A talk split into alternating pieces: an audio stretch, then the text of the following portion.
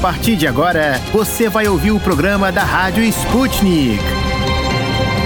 Saudações, estimados ouvintes! É um prazer estar com vocês na Rádio Sputnik. Eu me chamo Pablo Rodrigues e com minha colega Ana Lívia Esteves vou levar muita informação bacana para vocês. Olá, caros ouvintes. Muito obrigada pela audiência de cada dia e por passarem essa horinha aqui com a gente. Vamos conferir o que está sendo discutido pelo mundo afora? Vamos sim, Ana, até porque no Brasil a dúvida que está pairando pelos estados é se vai ou não ter carnaval. Lembrando Lembrando que os carnavais de rua já foram cancelados em ao menos 19 capitais e no Distrito Federal. Mas em relação aos famosos desfiles das escolas de samba realizados em São Paulo e no Rio de Janeiro, a conversa é outra. Na segunda-feira, dia 17, a Liga das Escolas de Samba de São Paulo se reuniu com a Prefeitura Paulista e apresentou uma proposta de protocolo sanitário para a realização dos desfiles no sambódromo do AMB. Em meio à rápida propagação da nova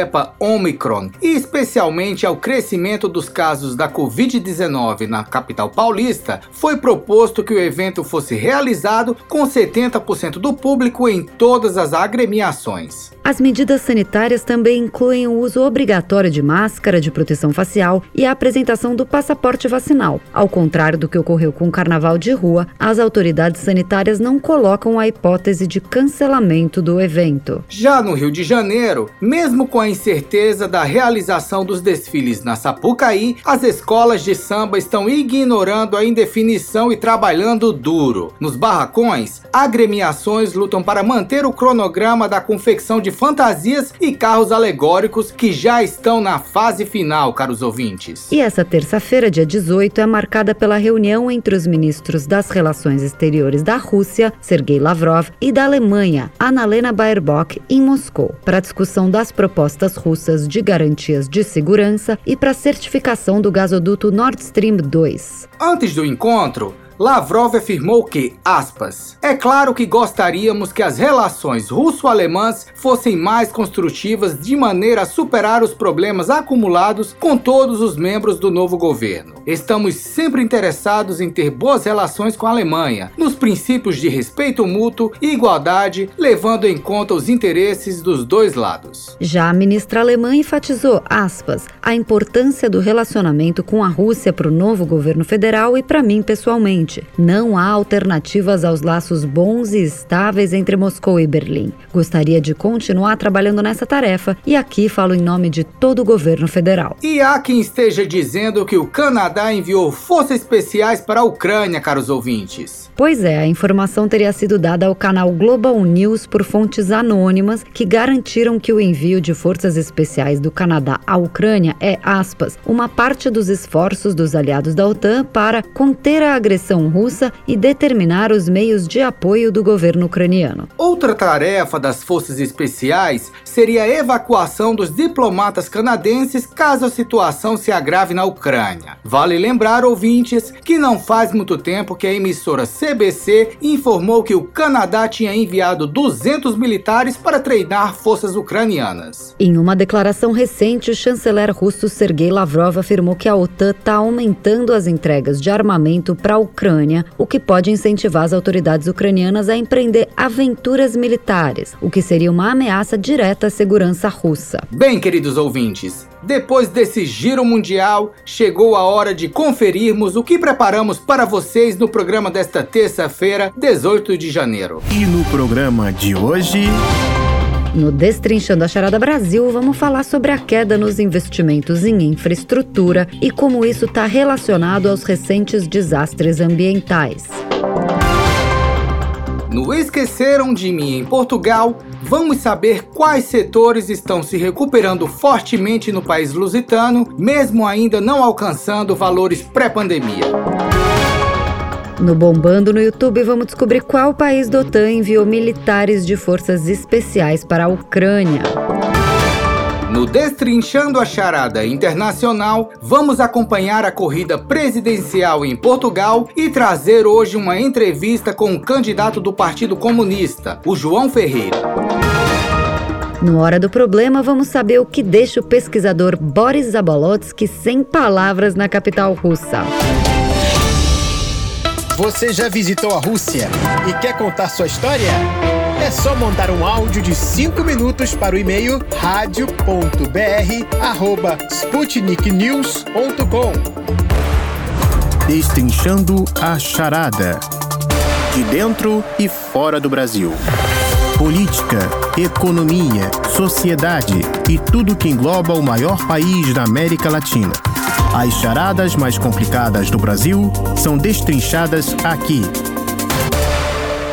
Olá, queridos ouvintes. Hoje no Destrinchando a Charada Brasil, vamos falar sobre os baixos investimentos em infraestrutura e o quanto isso influencia os desastres ambientais no nosso país. Isso mesmo, Ana. Especialistas apontam que a ausência de investimentos e a falta de planejamento potencializaram os estragos dos eventos climáticos extremos nos últimos anos. É o caso também das tragédias recentes nos estados de Minas Gerais e da Bahia, atingidos por fortes chuvas desde dezembro do ano passado. Depois dos episódios, o governo federal estuda desembolsar cerca de 3 bilhões de reais para as áreas afetadas. Seria 1 bilhão de reais para o Ministério da Infraestrutura, 1,3 bilhão para o Ministério do Desenvolvimento Regional e de 700 milhões a 800 milhões de reais para a pasta da Agricultura. Os valores vão ser utilizados para auxiliar as regiões afetadas. Só na Bahia, 190 municípios decretaram situação de emergência. São pelo menos 27 mortos e 30 mil desabrigados pelas chuvas, caros ouvintes. O total de desalojados chega a mais de 62 mil pessoas. Já em Minas Gerais, são mais de 6 mil desabrigados e cerca de 45 mil desalojados.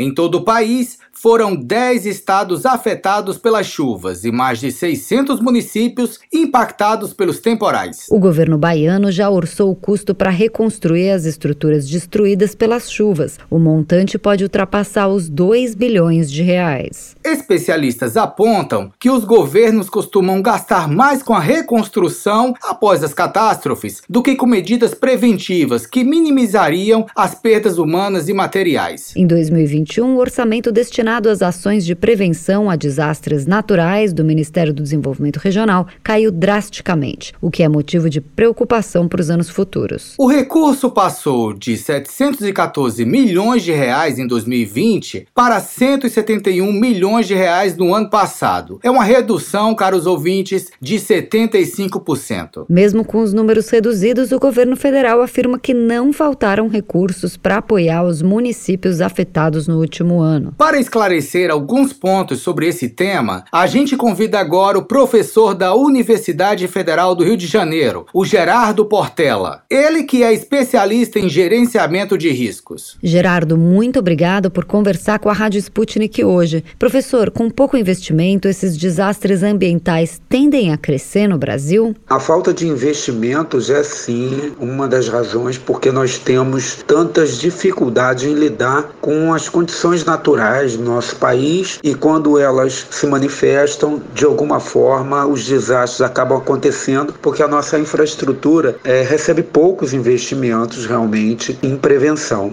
em grande parte se deve ao valor que nós damos na cultura brasileira à questão da prevenção e à questão da segurança. Pode ser até que a gente ostente a ideia de que dê valor ou prioridade à segurança, mas é apenas um mecanismo de manifestação daquilo que a gente talvez gostasse de ser, mas não que realmente nós somos. Porque, na verdade, o que é priorizado quando se tem que fazer um investimento é no retorno, num ganho mais rápido, ou então em projetos que não passam de quatro anos por uma questão de haver ah, ligados a eles planos de reeleição, então planos políticos. Então, esses fatores todos acabam fazendo com que os investimentos, na prática, sejam em coisas que vão dar um retorno aos gestores, seja em termos eleitorais ou, no caso de empresários, na questão financeira. É claro que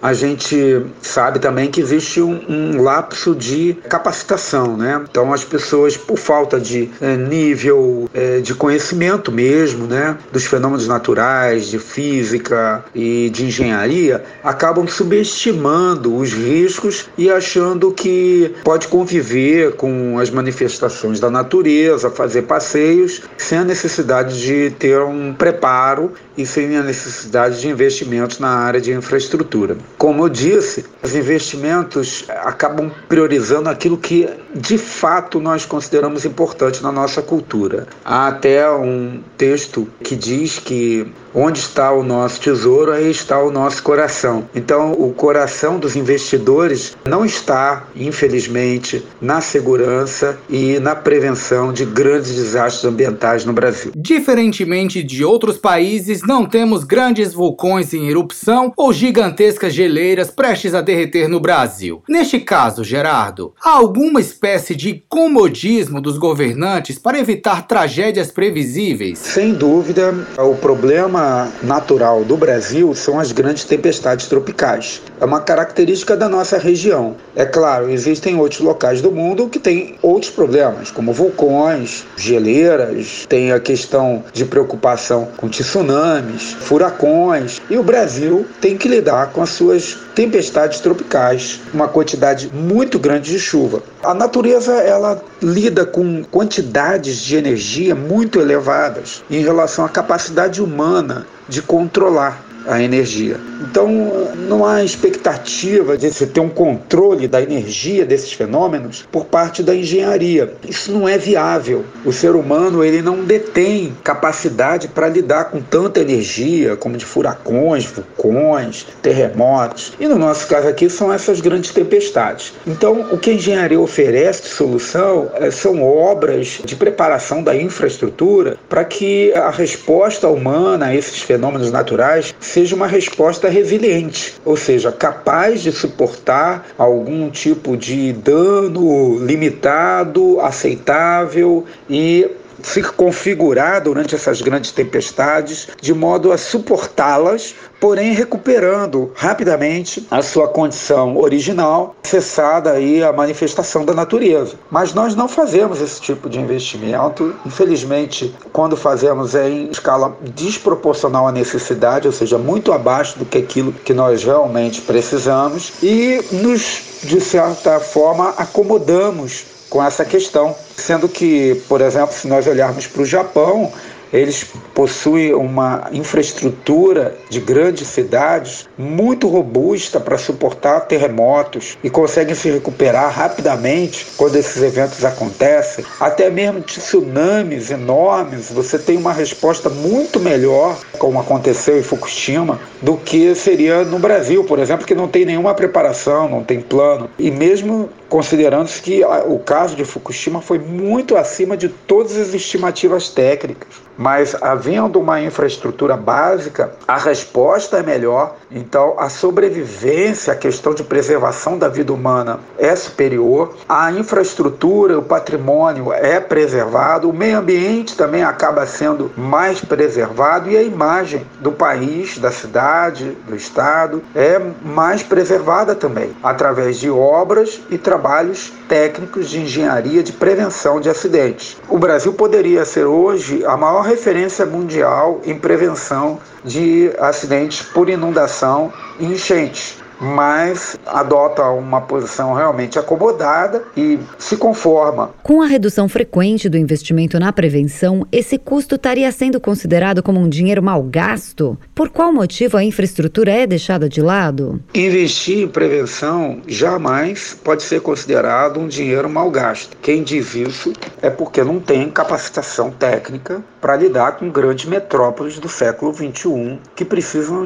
lidar também com os fenômenos naturais de nossos tempos. Dinheiro mal gasto é dinheiro gasto pensando em seus projetos pessoais de reeleição, limitando os prazos a eles. Esse é um dinheiro mal gasto. Agora, construir uma infraestrutura robusta para dar resiliência às cidades, mesmo as pequenas, médias, grandes, e ao país como um todo, é inteligência, é saber conviver com a manifestação da natureza e resistir a ela para que assim que cessar da tempestade, por exemplo, nós possamos rapidamente retomar a economia a todo vapor. A questão de se tratar de uma surpresa, não. Na verdade, não há surpresa nenhuma. Nós sabemos que a cada verão nós temos grandes tempestades que atinge a população, causam mortes, deslizamentos por falta de infraestrutura, por falta de um plano de ação, uma preocupação em remover as pessoas das áreas de risco e até mesmo do mapeamento desses riscos.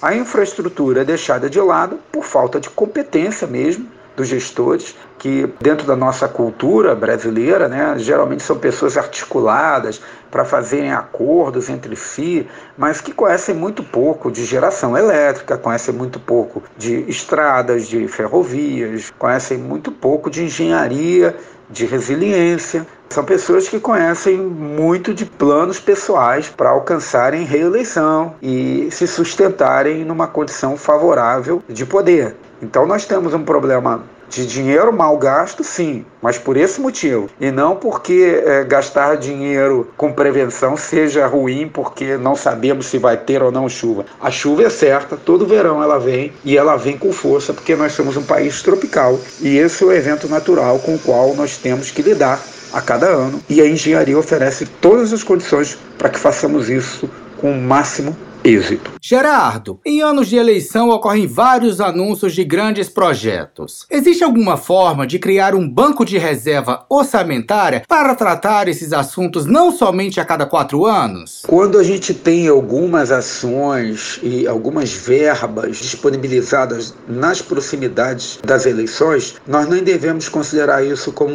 um real investimento. É, na verdade, um disfarce, uma estratégia para outro objetivo, que é, na verdade, é um objetivo de eleição, reeleição e de ganhos pessoais aí no seu plano de poder.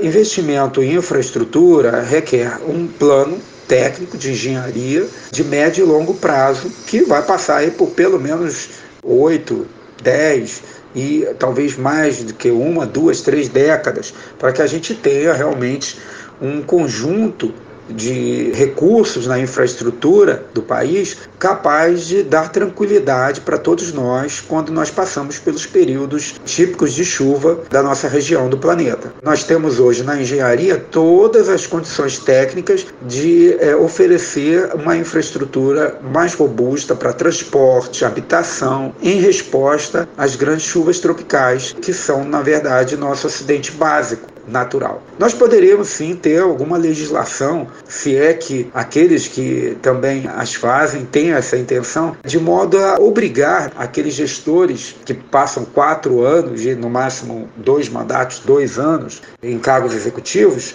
a cumprir uma meta de crescimento e elevação da nossa infraestrutura e robustez de resposta a grandes tempestades tropicais. Isso poderia ser feito, mas aqueles que estão lá também nem sempre olham para seus projetos de lei com o intuito de realmente vir mais do que quatro anos pela frente. Então, infelizmente, é uma questão cultural, uma questão de realidade do país. Enquanto nós tivermos uma visão míope, só enxergar até quatro anos, no máximo oito anos, nós jamais vamos ter um lindo país em tempos de chuvas e tempestades. Se nós tivéssemos uma, uma infraestrutura realmente robusta, as chuvas seriam, na verdade, uma atração, um período onde nós veríamos a manifestação da natureza de uma forma exuberante nas chuvas e conviveríamos com ela com resiliência e mantendo a nossa economia ativa e o nosso país lindo e interessante. Há países onde o número de desastres naturais vem crescendo, como Estados Unidos e países da Europa.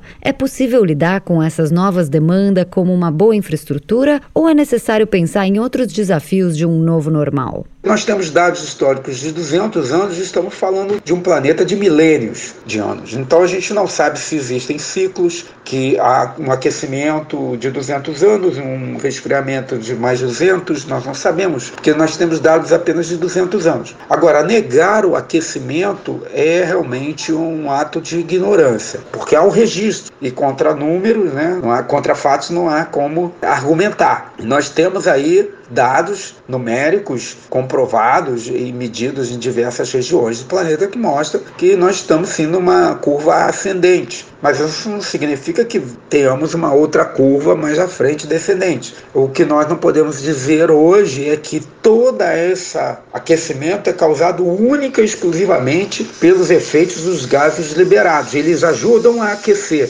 Isso também é certo, mas não há uma garantia que seja só isso. E há uma exploração exagerada no sentido de que há um outro lado que nega. Então é, isso torna interessante a discussão, porque aí você tem duas áreas, dois caminhos e duas opções para votar. Então, aqueles que querem se candidatar a alguma coisa, eles acabam adotando uma ou outra bandeira, enquanto que a ciência caminha ali baseada nos dados numéricos, nos fatos técnicos científicos, nas pesquisas verdadeiras de cientistas verdadeiros e não, digamos assim, até usando a palavra de alguns deles, do blá blá blá tanto dos que exageram sobre o aquecimento global quanto que os que o negam. Então, eu penso que nós devemos sim nos preocupar com os fenômenos naturais, seja em épocas de aquecimento global ou de resfriamento global, a gente não sabe o que virá nos próximos séculos, mas o fato é que, independentemente disso, nós temos que lidar, e não é novo normal, é o normal de sempre, com os fenômenos naturais. E no nosso caso aqui no Brasil, quando falamos de fenômenos naturais, nós estamos falando quase que sempre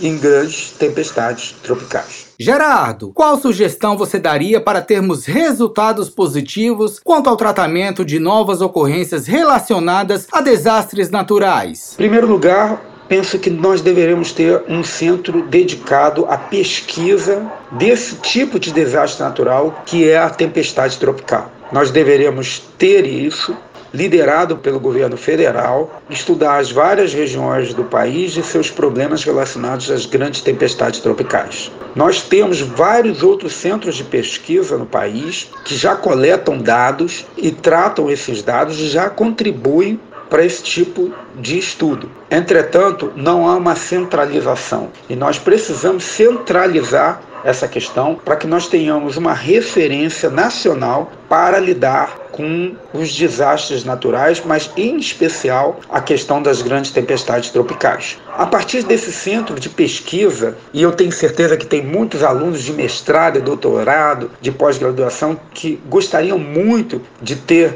uma linha de pesquisa para se dedicarem a ela, é, relacionadas com essas questões de enchentes e de grandes tempestades tropicais. Então, esse centro de pesquisa ele poderia sim liderar, selecionar as pesquisas investir nessas pessoas para que elas possam receber bolsas que não são caras para o resultado que podem gerar e procurarmos mapear todos os problemas e as possíveis soluções. Aí nós poderíamos também buscar a questão de engenharia de resposta ao desastre natural de grandes tempestades tropicais. Como preservar as nossas estradas principais, como preservar as nossas cidades, a nossa infraestrutura de geração de energia, a nossa infraestrutura de transporte, a nossa infraestrutura de hospitais diante de um cenário de grandes tempestades tropicais. Então, seriam obras, essas obras, obviamente, elas vão mexer com a economia, vão melhorar a questão de emprego. Uma outra questão também é que nós precisamos enfrentar de frente a questão de moradia no Brasil. Enquanto nós tivermos populações sem uma opção para adquirir ou receber uma moradia digna, essa população vai procurar os locais que estão desocupados e a maioria deles está desocupada porque, principalmente nas grandes metrópoles, porque são regiões de risco, regiões que a construção exige uma fundação muito cara, obras de contenção, é, regiões alagadas, que você para fazer uma fundação você precisa ir muito profundo, é muito gasto. Então por isso que elas estão ali sem vigilância, sem preocupação e as pessoas vão ocupando essas regiões por falta de opção. Enquanto nós não enfrentarmos de frente esse problema, nós jamais deixaremos de ter vítimas a cada verão de famílias, de pessoas às vezes de bairros inteiros, por conta de grandes chuvas tropicais. Bom, agora é esperar que os governantes cuidem desses orçamentos e não esqueçam do tamanho da sua responsabilidade. Até porque isso tem custado vidas, não é mesmo, Ana? Nós conversamos com o especialista em gerenciamento de risco e professor da UFRJ, Gerardo Portela. Muito obrigado pela entrevista, Gerardo. O Destrinchando a Charada Brasil de hoje fica por aqui, caros ouvintes. Até amanhã.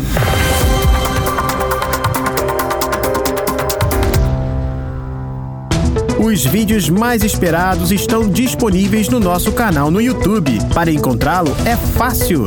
É só buscar Sputnik Brasil no YouTube, aproveitar as imagens e ainda se informar. Esqueceram de mim em Portugal. Senhoras e senhores passageiros, apertem os cintos de segurança porque estamos prestes a decolar rumo a Portugal. A tripulação Sputnik Brasil deseja a todos uma ótima viagem. Vamos falar agora com a nossa correspondente Luísa Ramos, que acompanha tudo o que acontece em Portugal. Ou até mesmo o que acontece em outros países, mas atinge Portugal, porque ela é o radar da terrinha. E aí, Lu, notícias boas hoje? Olá, Pablo, Ana e ouvintes da Sputnik. Pois é, amigos, Portugal está a bombar, como dizem os portugueses, pelo menos em carros e vinhos. É que a produção de carros no país registrou um crescimento de 9,7% em 2021, quando comparado a 2020, segundo divulgado pela Associação Automóvel de Portugal, a ACAP. Mesmo não tendo recuperado níveis pré-pandemia de 2019, o aumento já mexe positivamente com o país lusitano. O crescimento elevado se deu mesmo diante da pandemia ainda em andamento e de uma crise de semicondutores. Em 2021, saíram de fábricas portuguesas nada mais nada menos do que 300 mil veículos. Comparando com 2019, há uma diminuição de 16,1% quando foram produzidos mais de 345 mil carros em Portugal. Mas mesmo assim, o aumento foi significativo e a indústria automobilística portuguesa melhorou sua taxa de cobertura das importações pelas exportações, o que impacta positivamente o setor e a economia lusa. Segundo a ACAP, os dados referentes a 2021 confirmam, aspas, a importância que as exportações exportações representam para o setor automóvel. Isso porque, caros ouvintes, 97,4% dos veículos fabricados em Portugal têm como destino o mercado externo. Os dados da associação revelam que a Europa continua sendo o mercado líder nas exportações dos veículos fabricados no país, tendo como maiores compradores, em primeiro lugar, a Alemanha, seguida da França, a vizinha a Espanha em terceiro e a Itália em quarto. Agora, mudando da água para o vinho, ou melhor, do carro para o vinho, vamos falar dos vinhos do Porto e Douro, que bateram recorde de exportações também. Os números foram divulgados nesta segunda-feira, dia 17, no Jornal de Notícias, como uma prévia, pois ainda não estão totalmente fechados, pelo presidente do Instituto dos Vinhos do Douro e Porto, Gilberto Igrejas, que falou em um ano muito positivo e num marco histórico na venda de vinhos do Porto e Douro. Para ele, 2021 vai ser o ano do recorde de vendas de vinhos da região, atingindo potencialmente mais de 600 milhões de euros. Isso em reais, prezados ouvintes, equivale a cerca de 3,8 bilhões. O crescimento das exportações foi o que permitiu atingir estes valores, que, assim como a produção de automóveis, ainda está bem abaixo do ano de 2019, pré-pandemia. No caso dos vinhos, 19% a menos, mas mesmo assim apresenta cifras animadoras para o setor. As vendas totais, apenas considerando vinhos da área do Porto são de quase 391 milhões de euros, 15% acima de 2020 e 3% acima de 2019, ano em que, pela primeira vez depois de oito anos consecutivos de queda, o vinho do Porto deu sinais de recuperação. Mas olha, estimados ouvintes, vinho do Porto não é para qualquer um, não, viu? É uma bebida para momentos especiais e é forte que só. Aparentemente, mais forte ainda no quesito recuperação de vendas e exportações. Seguimos acompanhando todas as notícias, desde economia até cultura, aqui no quadro Esqueceram de Mim em Portugal. Até amanhã. Valeu, Luísa. E você, Ana? Já provou vinho do Porto? Eu não sou muito fã de vinhos em geral, mas já ouvi dizer que o vinho do Porto não se bebe como vinho normal. É uma bebida para apreciar como um licor, bem pouquinho, pois é bem forte, como a Luísa mesmo disse. E os portugueses estranham se você pedir a garrafa em um jantar, por exemplo. Eu amo vinho e já provei e aprovei o vinho do Porto. Ah, é bom saber, assim eu já não chego pedindo a taça cheia quando eu for visitar Portugal e não pago esse mico, né? Pelo menos em casa a gente pode ser bastante deselegante e beber o quanto quiser. Lu, muito obrigada pelas informações. Verdade. Boas notícias para a economia portuguesa nesta terça-feira, dia 18. Luísa Ramos, nós nos falaremos novamente amanhã. Até lá!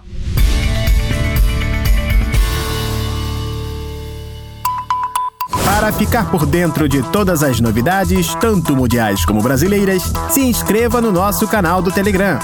É muito simples. É só você escrever Sputnik Brasil na busca do Telegram e se inscrever para receber as notificações. Bombando no YouTube.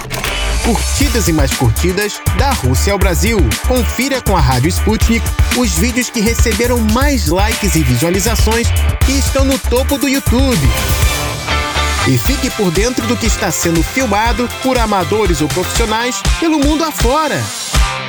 Queridos ouvintes, chegou a hora da gente ir lá para a redação da Sputnik Brasil conversar com o nosso colega Tito da Silva. Olá, Tito! Conta pra gente quais são os vídeos que estão bombando no YouTube. Olá, queridos amigos da Rádio Sputnik. Eu me chamo Tito da Silva e estes são os vídeos que estão bombando no YouTube nesta terça-feira, 18 de janeiro. No primeiro vídeo, a coalizão liderada pela Arábia Saudita realizou ataques contra a capital do Iêmen, Sanaa, com o intuito de retaliar o movimento movimento Houthi por este ter atacado a capital dos Emirados Árabes Unidos, Abu Dhabi. Ainda na segunda-feira 17, os Houthis lançaram mísseis e drones que acabaram explodindo pelo menos três caminhões-tanque em uma zona de reserva de petróleo. O aeroporto de Abu Dhabi também havia sido atingido por uma outra explosão. A retaliação da coalizão se dá enquanto esta tenta derrotar o movimento rebelde Houthi, que é apoiado pelo Irã contra o governo do Iêmen. Para obter maiores detalhes da operação militar da coalizão saudita, é só você digitar no YouTube. Coalizão liderada pela Arábia Saudita bombardeia as Houthis no Iêmen após ataques nos Emirados Árabes Unidos. E no segundo vídeo de hoje, o Canadá enviou militares de forças especiais para a Ucrânia, segundo fontes contaram ao canal de TV Global News. As tropas, que não farão parte de um programa de treinamento para militares ucranianos, receberam como missão elaborar um plano para evacuar o corpo diplomático canadense na Ucrânia em uma eventual invasão militar da Rússia. Contudo, o envio das tropas também seria uma demonstração de apoio do Canadá à Ucrânia e uma forma da OTAN e seus aliados tentarem desanimar os ânimos da Rússia de invadir a Ucrânia. Atualmente, países da OTAN, em particular os Estados Unidos, têm afirmado ao mundo que a Rússia possui planos de invadir a Ucrânia, o que é negado por Moscou. Se você deseja saber mais detalhes sobre o caso, é só digitar Canadá envia regimento de forças especiais para a Ucrânia, diz canal de TV. No terceiro vídeo de hoje, criminosos do Exército de Libertação Nacional, uma guerrilha de origem colombiana, foram filmados realizando patrulhas na cidade de Arauquita durante visita do presidente Iban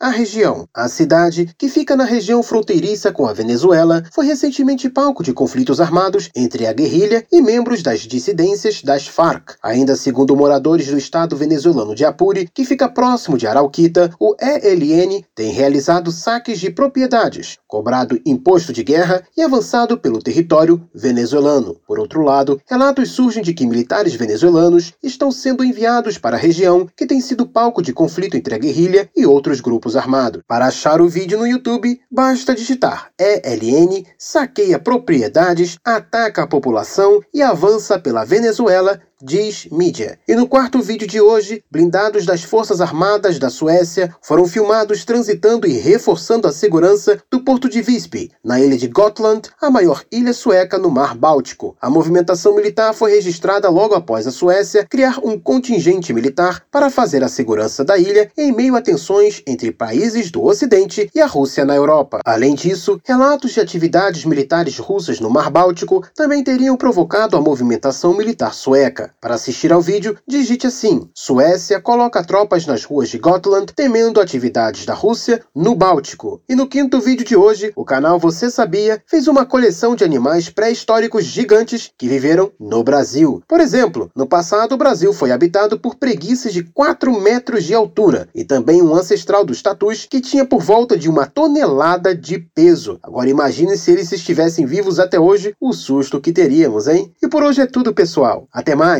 Complicada essa notícia de que o Canadá teria enviado contingente de suas forças de operações especiais para a Ucrânia, mesmo depois de tanto diálogo entre a Rússia e a OTAN na semana passada. Apesar do contingente ser pequeno, o governo canadense informou que prometeu cerca de 700 milhões de dólares em ajuda militar para a Ucrânia desde janeiro de 2014. Os recursos teriam sido gastos principalmente com equipamentos militares não letais e enviando rotações de 200 soldados das Forças Armadas canadenses a cada seis meses para treinar as forças de segurança ucranianas. Mas esse envio adicional veio em um momento muito delicado. Vamos acompanhar, caros ouvintes. Tito, muito obrigado pelo boletim de hoje e até amanhã.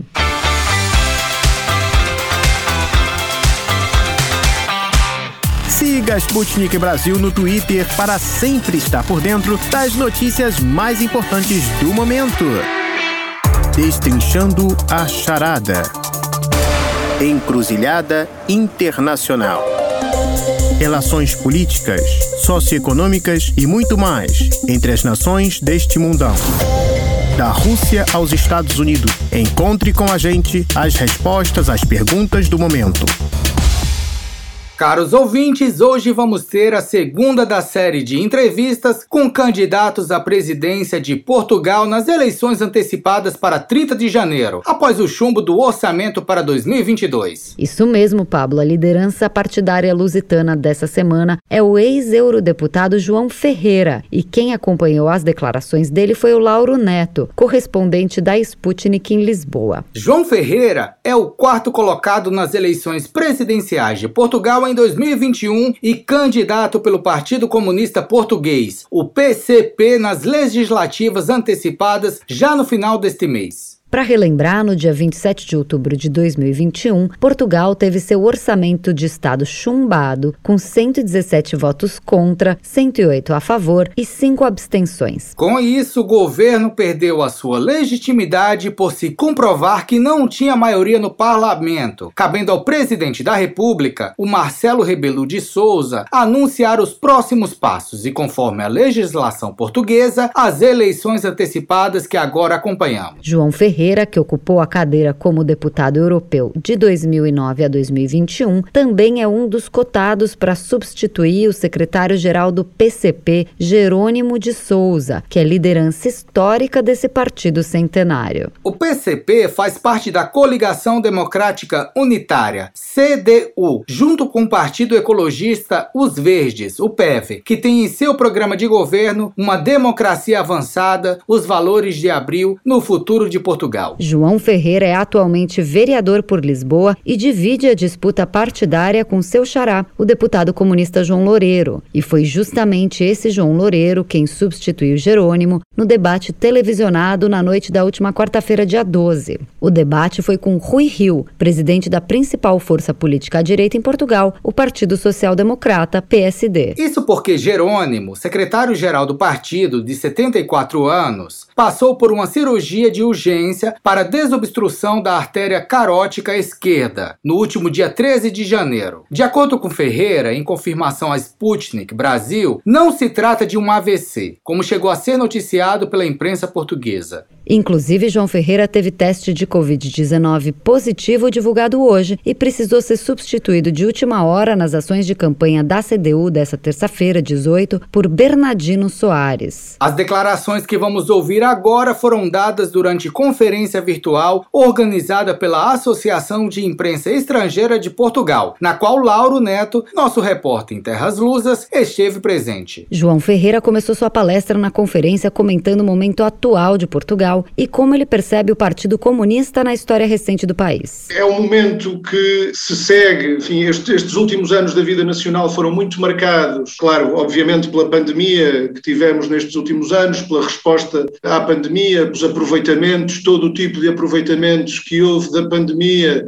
e pelos seus impactos no plano económico e no plano social. E, portanto, esse é, digamos, um dos traços que caracteriza a situação que estamos a viver. É importante recordar também que em 2000 2015 nós tivemos uma nova fase da vida política nacional. Eh, o Partido Comunista Português teve um papel determinante na abertura dessa nova fase da vida política nacional. Foram eleições de outubro de 2015, das quais saiu como primeira força uma coligação entre PSD e o CDS, partidos que tinham estado no governo durante quatro anos, implementando o programa da Troika, que tinha sido assinado por eles e também pelo Partido Socialista. Foram esses anos da Troika anos muito marcantes do ponto de vista do que foram os impactos económicos e sociais profundos, um empobrecimento de uma grande parte da população, um agravar de problemas económicos e sociais que o país arrastava há muito tempo. E a verdade é que em 2015, no momento em que se perspectivava após as eleições, a continuidade em funções desse governo, o PCP viu, na altura, aquilo que outros não viram e que foi a circunstância de esses partidos terem perdido uh, condições para continuarem no governo. Assim, o Partido Socialista tivesse disponível para iniciar funções com um governo minoritário. Esse foi o ponto de partida para aquilo que se seguiu. E, portanto, nós tivemos, depois de quatro anos de retirada de direitos, de degradação de rendimentos da população, nós tivemos quatro anos de recuperação. Essa experiência não teria sido possível sem a iniciativa que o PCP tomou em 2015. João Ferreira criticou também o posicionamento do Partido Socialista, do atual primeiro-ministro Antônio Costa, ante as garantias do orçamento de Estado, que, como sabemos, foi chumbado e, por isso, o país segue agora em ritmo de eleições antecipadas. Em áreas determinantes, em áreas-chave da vida nacional, do ponto de vista de política de rendimentos, política salarial, política laboral, setores estratégicos, saúde, educação, o tipo de respostas que é necessário assegurar, o Partido Socialista não mostrou disponibilidade de dar essas respostas e, mais do que isso, impediu-a. Em momento-chave na Assembleia da República, o Partido Socialista convergiu com o PSD para impedir essas respostas necessárias, seja do ponto de vista da legislação laboral, seja do ponto de vista da política salarial, seja do ponto de vista da intervenção em setores estratégicos, como é o caso da energia, no momento em que estamos confrontados com uma subida do custo de vida, uma taxa de inflação que não conhecíamos há muito tempo, isso tem impactos nos rendimentos da generalidade da população e na economia, de uma forma geral, e é fundamentalmente essa indisponibilidade, essa falta de vontade, essa rejeição das soluções que o país necessita que nos conduziram à situação em que estamos neste momento. A CDU está a intervir nesta situação e neste contexto político-social, nestas eleições, para encontrar é essa a nossa prioridade para encontrar as soluções que o país precisa para problemas que não resultam apenas da pandemia, mas que ganharam com a pandemia uma dimensão maior do que aquela que tinham, mas que na verdade são problemas de natureza estrutural que o país arrasta há muito tempo, mas foram mais expostos, ficaram mais visíveis e ganharam maior dimensão com os impactos da pandemia. Questionado pela Sputnik Brasil se a importância de Jerônimo de Souza para o PCP podia ser comparável em alguma medida à de Lula para o Partido dos Trabalhadores, que também deve sofrer um vácuo de liderança quando o ex-presidente sai de cena, Ferreira evitou fazer comparações. Não queria fazer essas comparações. Tem seguramente uma grande importância, mas teve ao longo destes anos em que tem esta tarefa, esta responsabilidade, vai ter também nos próximos anos, espero eu, mas não queria entrar nesse tipo de comparações. Segundo reportagem do Lauro Neto no site da Sputnik Brasil, a importância de Jerônimo de Souza na política portuguesa é tamanha que até a presidência da República emitiu uma nota informando que Marcelo Rebelo de Souza falou ao telefone com o secretário-geral do PCP ao tomar conhecimento da cirurgia de emergência. Rebelo de Souza teria desejado que tudo corresse bem e que ele, aspas, possa ter uma rápida e boa recuperação, regressando logo que possível à sua importante atividade política e partidária. A seguir, o Lauro Neto perguntou ao João Ferreira se fazia algum sentido o argumento de perigo comunista ressuscitado em vários países, inclusive no Brasil, mais de 30 anos depois da queda do Muro de Berlim. Ferreira evitou citar o nome do presidente Jair Bolsonaro, mas fez críticas ao atual momento político brasileiro. Vamos ouvir? Eu diria que o perigo do comunismo pelo menos o discurso do perigo do comunismo é pelo menos tão antigo quanto o próprio comunismo. Uma ideologia e uma, digamos que uma força material que visa alterar radicalmente uma ordem social estabelecida, uma ordem social injusta, iníqua, que é do capitalismo, encontrará sempre resistências, encontrará sempre aqueles que são os beneficiários da ordem social iníqua que está estabelecida, pré-estabelecida. E essas forças uh, levam a cabo todo o tipo de estratégias para uh, atacar e procurar desacreditar aqueles que procuram essa alteração radical da ordem social. E, sobretudo, quando se procura instituir uma ordem mais justa, uma forma de organização da sociedade e da economia que esteja orientada para a satisfação das necessidades das pessoas e não para o enriquecimento de alguns poucos à conta de uma imensa maioria. E, portanto, entre essas armas que se usam, esteve sempre o discurso anticomunista. Ele é muito antigo e, em vários momentos na história, ele ressurgiu e ressurge normalmente em períodos da história em que a intenção de manter uma ordem social iníqua recorre a formas mais violentas, em que o discurso anticomunista ressurge sempre, isto não me refiro a uma experiência em particular, à do Brasil ou a outra, isto é geral, ressurgiu sempre e teve sempre mais força o discurso anticomunista em momentos em que foi a própria democracia que foi posta em causa. E, portanto, não há aqui propriamente novidade. Sempre que a democracia, mesmo nos seus aspectos formais, é atacada, é posta em causa, nós vemos o discurso comunista a ganhar força. Isso acontece, por exemplo, hoje em vários países da Europa, eh, nomeadamente da Europa de Leste, isso é muito visível. Inclusivamente se deram passos no sentido de legalização de partidos, de organizações sociais, sindicais, a Coligação Democrática Unitária, CDU, possui algumas ideias consideradas radicais, como a saída de Portugal da União Europeia, a dissolução da Organização do Tratado do Atlântico Norte, a OTAN, além da nacionalização de empresas básicas e estratégicas. Considerando isso, Lauro perguntou sobre essa proposta do Partido Socialista de saída de Portugal da União Europeia. Vamos ouvir a defesa de Ferreira sobre isso?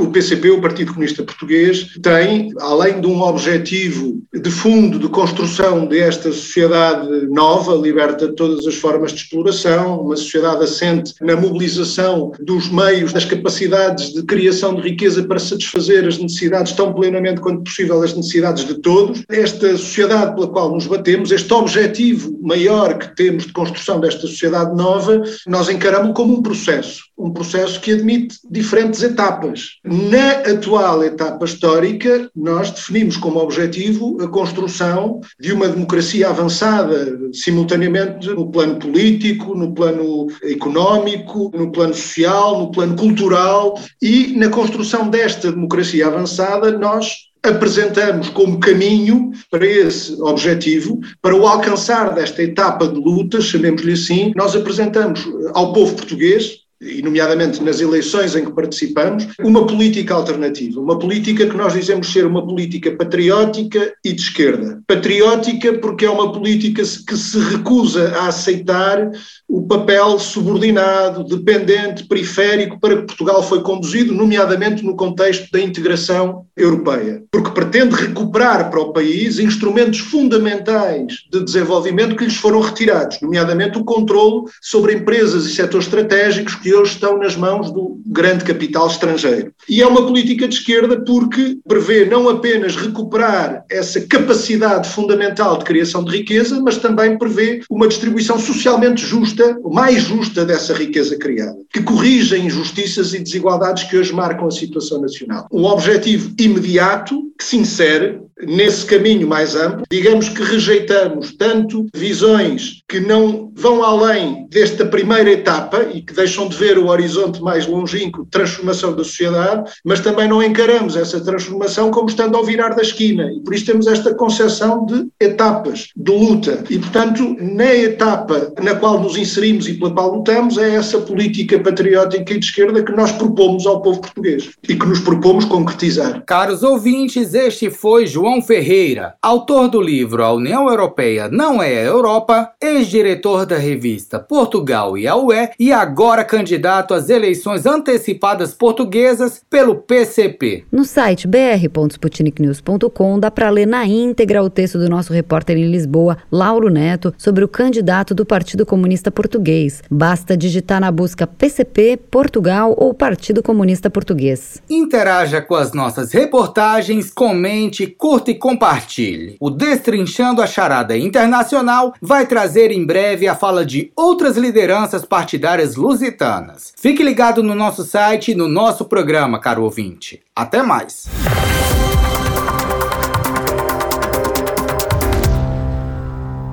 Está à procura de notícias com outros pontos de vista e posicionamentos?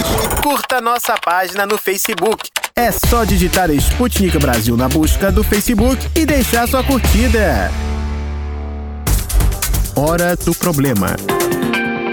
Sabe aquela história que é melhor nem contar de tão complicada que é? Perrengue na Rússia, sufoco no Brasil e muito mais. Sente aí que lá vem história. Queridos ouvintes, vamos bater um papo com o pesquisador Boris Abalotsky, que desde que nasceu tem contato com a cultura russa em solo brasileiro. Boris é descendente de russos, caros ouvintes. O avô dele emigrou da Sibéria para a região sul do Brasil. Boris, é um prazer contar mais uma vez com você na Rádio Sputnik. Poderia contar um pouco sobre você para os nossos ouvintes? Olá a todos, quero expressar a minha satisfação e a honra de estar aqui conversando com a audiência da Rádio Sputnik. Meu nome é Boris Zabolotsky, eu sou doutorando em Ciência Política pela Universidade Federal do Rio Grande do Sul, sou formado bacharel em Relações Internacionais pela Universidade Federal de Santa Maria. Atualmente eu resido em Porto Alegre, entre Porto Alegre e Campina das Missões. Na outra vez que você falou com a gente, você disse que sua relação com a Rússia é um tanto pessoal como profissional. Você já visitou a Rússia, não é? Mas se sim, quantas vezes e para quais finalidades? Sim, eu visitei a Rússia por cinco vezes, razões mais diversas. Cheguei a morar em Moscou por um período, por três meses e meio, mais ou menos, onde eu estudei o idioma russo no Instituto Pushkin e outras vezes foram por motivos profissionais ou inclusive para turismo. Que cidades russas você teve a oportunidade de visitar, Boris? Existe algum município ou região da Rússia que você ainda espera conhecer? Bom, eu infelizmente não conheci muitas cidades russas além do eixo Moscou-São Petersburgo é algo que eu pretendo conhecer, pretendo também conhecer as minhas origens siberianas do meu avô lá em Krasnoyarsk. Meu pai, inclusive, já visitou a, os nossos parentes lá. Eu ainda não consegui, não tive a oportunidade. Vocês bem sabem que a Rússia é um território imenso, então depende muito de avião, trem, deslocamento, enfim, o que torna muitas vezes frustradas tentativas de ir mais longe ou ir para o interior da Rússia, né? Teria que ficar mais mais tempo e me dedicar mais tempo para uma viagem maior. Mas é algo que eu pretendo conhecer, inclusive as próximas vezes que eu pretendo ir para a Rússia, eu quero ir para a parte asiática, para a parte siberiana, para conhecer esse outro lado da Rússia que eu também considero extremamente importante e relevante para formulação da Rússia como um todo. Como seu avô é siberiano, então a Sibéria deve ter um significado muito grande para você, Boris. Espero que você consiga um dia conhecer aquelas bandas da Rússia. Quando você planeja vir para cá de novo e o que você pretende fazer da próxima vez? Tem uma data específica para retorno à Rússia, pretendo retornar. Acredito que nos próximos anos eu irei fazer parte do meu doutorado em Moscou, se der tudo certo. Então, essas são as minhas perspectivas no momento para retorno à Rússia. Como você já esteve na Rússia cinco vezes, eu gostaria de saber, Boris. Existe algum lugar de Moscou que mexe com você? Eu acredito que é inesquecível, na realidade não é só para mim, mas para todos que visitam a Rússia, a sensação de estar na Praça Vermelha. Isso é algo inexplicável e contagiante ao mesmo tempo. Eu acho que a Praça Vermelha tem uma energia, algo que é inexplicável, não sei se é pela arquitetura exuberante, por pelos prédios, pela importância histórica, mas toda vez que eu visito a Praça Vermelha, eu me sinto contagiado por uma energia inexplicável que é muito memorável, digamos assim, e é algo inesquecível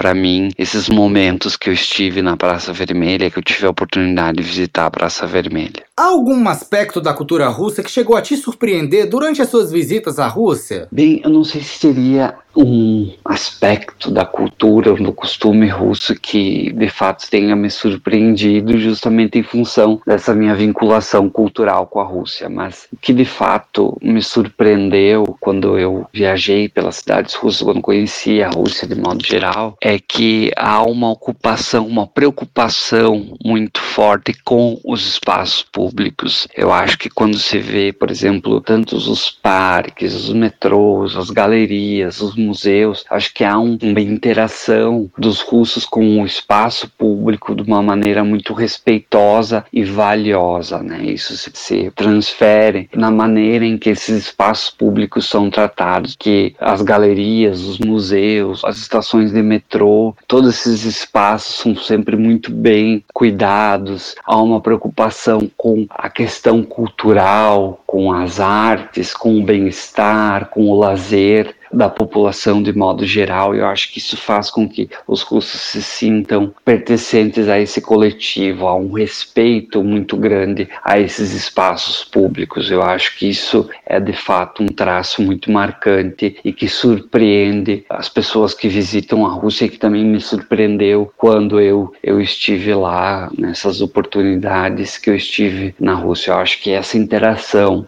do russo das pessoas com o espaço público é algo de fato muito marcante e que me impressionou. Tem razão, Boris. Eu acredito que por ser um espaço público há uma conscientização entre os russos de que deve ser preservado e que por ser justamente para todo mundo, regras devem ser seguidas. E qual costume russo você acha que todo brasileiro deveria seguir, Boris? Essa questão é um pouco mais difícil assim de responder porque quando a gente fala de costumes e tal, existem todo um arcabouço e todo um histórico que fizeram com que esses costumes acontecessem, né? Que envolvem aspectos geográficos, aspectos climáticos, enfim, diversas questões que formularam esses costumes e que foram internalizados pela sociedade como um todo, né? E também quando se fala de costumes russos também isso é uma questão problemática também porque dentro da Rússia há diversas Rússias, não se pode pensar da Rússia como um grande monolito, né? Existem diversas culturas, diversas nacionalidades que têm os seus costumes, as suas tradições e que interagem entre si e que têm essa contribuição e que têm a sua hum,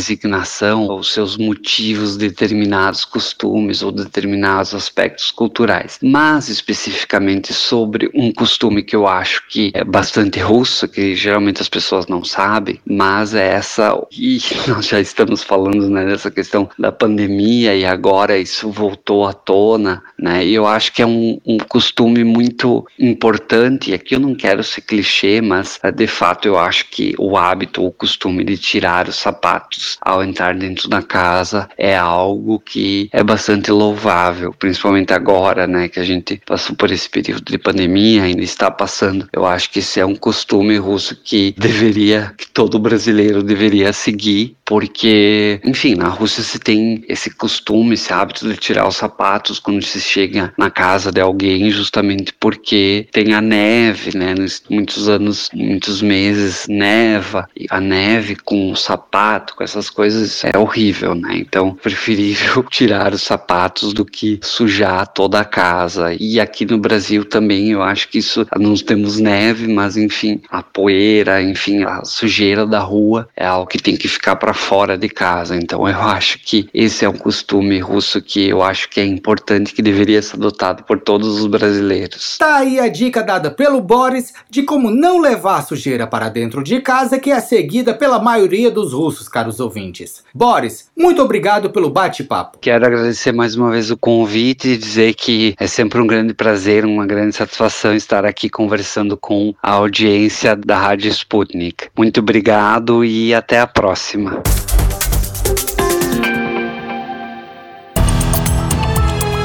Hora de dar tchau.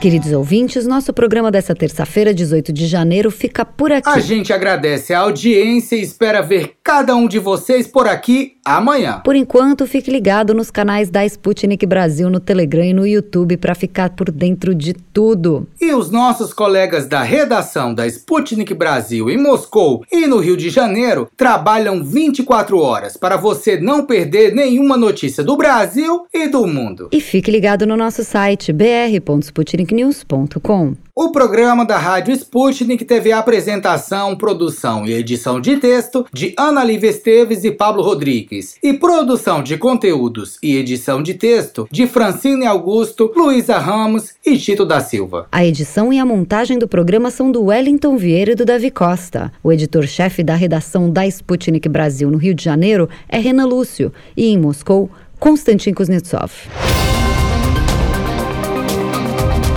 Você acabou de ouvir mais um programa da Rádio Sputnik.